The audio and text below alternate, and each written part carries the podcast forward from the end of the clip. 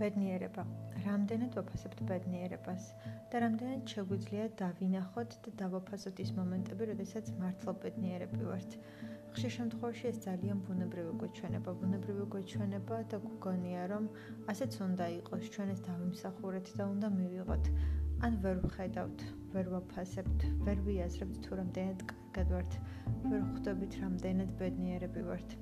იმდენად იმდენად ბუნებრივი გვეჩვენება და ყოველდღიურობის ნაწილი, რომ საერთოდ ვერც კი ვიაზრებთ, რომ ეს ყველაფერი უბრალოდ მოგვეცა, მოგვეცა და ჩვენ უნდა დავაფასოთ, ან უბრალოდ მადლიერები ვიყოთ იმ ყველაფრისთვის, რაც გაგვეჩნია. ვერ ვხედავთ იქამდე, სანამ არ დავკარგავთ, ვერ ვხედავთ იქამდე, სანამ ყველაფერი არ დაინგრევა და თავზე არ ჩამოგომხობა. ხოლო შემდეგ ხვდებით და ვიაზრებთ, რამდენად კარგად ვიყავით, რამდენად ბედნიერები ვიყავით და რამდენად დიდი სიხარული იყო ეს ყველაფერი ჩვენთვის. მაშინ, როდესაც ეს ყველაფერი მოგვენატრება, მაშინ, როდესაც გონებით უკან წარსულში დავბრუნდებით, მხოლოდ მაშინ მივხვდებით და დავაფასებთ იმას, რამდენად კარგი იყო ეს ყველაფერი ჩვენთვის, ჩვენ რამდენად ბედნიერად ვგრძნობდით თავს და რამდენად დიდი სიხარული ტრიალებდა ჩვენს ყოველდღიურობაში. სანამ ამ ყველაფერს არ დავკარგავთ, სანამ ეს ყველაფერი ხელიდან არ გამოგვეცლება და სანამ ყველაფერი არ გაიფანტება, სანამ ეს ფერები არ მოაკლდება იმ ყოველდღიურობას, იქამდე ვერასოდეს ვერ ხვდებით და ვერ ვხედავთ, რამდენად კარგად ვართ. რამდენად ბედნიერები ვართ. რამდენად დიდი სიხარული არის ყოველი დღე. ყოველი დღის გათენება დილას მზე ხანდახან წვიმაც და რამდენად ბედნიერი არის ყოველი წამი რომელიც გვეძლება როდესაც ვართ მშვიდად, როდესაც ვართ კარგად, როდესაც ყველაფერი კარგად მიდის, როდესაც რაღაცებში გვიმართლებს და ასე შემდეგ. ყოველ შემთხვევაში ვერ ვხედავთ იქამდე, სანამ რაღაცას არ ვკარგავთ. ეს ალბათ ხასიათის თუ არ ვიცი რაღაცის ყოველი ხაზი ეს, რომელიც ყოველთვის უბრალოდ ასე ხდება და ასე არის. ახში შემთხვევაში ვიხსენებთ ხოლმე царსულს. ვიხსენებთ царსულს და მაშინ ზუსტად მაშინ ხვდებით, რამდენად კარგი იყო. რამდენად ბედნიერები ვიყავით და შემდეგ როდესაც ფიქრდები და ყველაფერს იხსენებ, გახსენდება როგორ ბუნებრივად მეკაჩნდა ეს ყველაფერი, რამდენად ბუნებრივად მიგაჩნდა და გეგონა რომ ეს ასეც უნდა ყოფილიყო, რომ ეს ყოველფერი ყოველდღიურობის შემადგენელი ნაწილი უნდა ყოფილიყო. იმდენად ჩვეულებრივი ჩანდა, რომ თითქოს დღევანდელი დღე ზუსტად ასე უნდა იყოს, ეს ადამიანები ჩემს გვერდით უნდა იყვნენ. მე ამას უნდა ვაკეთებდე. ეს რომ გავაკეთე, ამაში უნდა გამიმართლოს და უნდა მივიღო შესაბამისი შედეგი, მაგრამ ყოველთვის ასე არ ხდება, ყოველთვის არ გვიმართლებს, ყოველთვის არ გვყავს საჭირო ადამიანები გვერდით.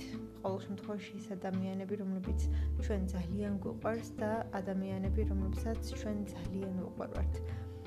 და მხოლოდ მაშინ ხვდებით, როდესაც ჩვენ ცხოვრებას რაღაც მომენტები აკლდება. ან ზოგჯერ ადამიანები, ზოგჯერ მოვლენები, ზოგჯერ სიტუაციები, ზოგჯერ გამართლება და იღბალი.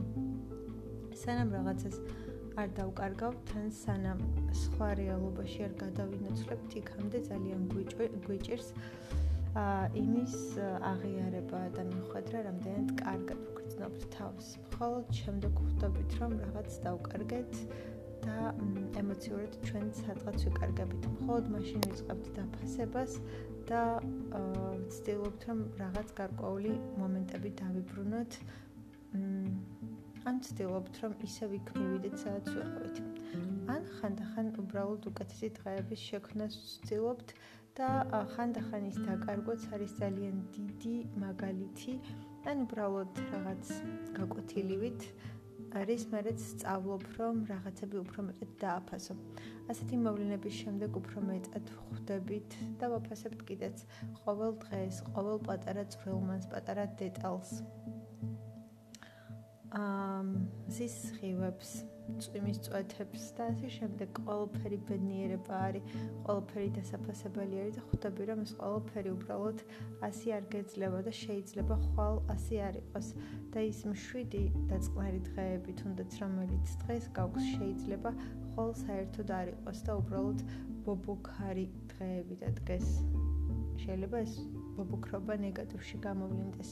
და ყველაზე მეტად მაშინ ხვდები და აფასებ იმას, რამდენად ბედნიერი ხარ, რამდენად ბედნიერი ხარ, თუნდაც მაშინ, როდესაც შენი ცხოვრების დღეები ძალიან მშვიდად მიედინება და არაფერი არ გაშფოთებს, არ გადარდებს, არ გაღელვებს, რაღაცები არ ხდება ნეგატიურად, უბრალოდ შენი ცხოვრება არის ძალიან პატარა და ძალიან ბევრი პატარა ბედნიერი დეტალისაგან შემდგარი, რომელსაც ჩვენ ვერ აფასებ, რადგან ამ ყოველფერს ვერ ხედავ, ისინი პატარ-პატარები არიან და რაღაცა უფრო დიდსელი, უფრო გრანდიოზულს და ვერ ხვდები, რომ ეს პატარა პატარა დეტალები და ბედნიერებები შეიძლება უბრალოდ ასე არ მოგეცეს ყოველთვის და შეიძლება დადგეს დღე და დადგეს დრო, როდესაც ეს ყოველფერი მოგენეტრება. უნდა დავაფასოთ ალბათ ის ბედნიერი წამები და წუთები, რომლებიც გვეძლება იმისათვის, რომ შემდეგი დღეები იყოს კიდევ უფრო მეტად ბედნიერი და პოზიტიური.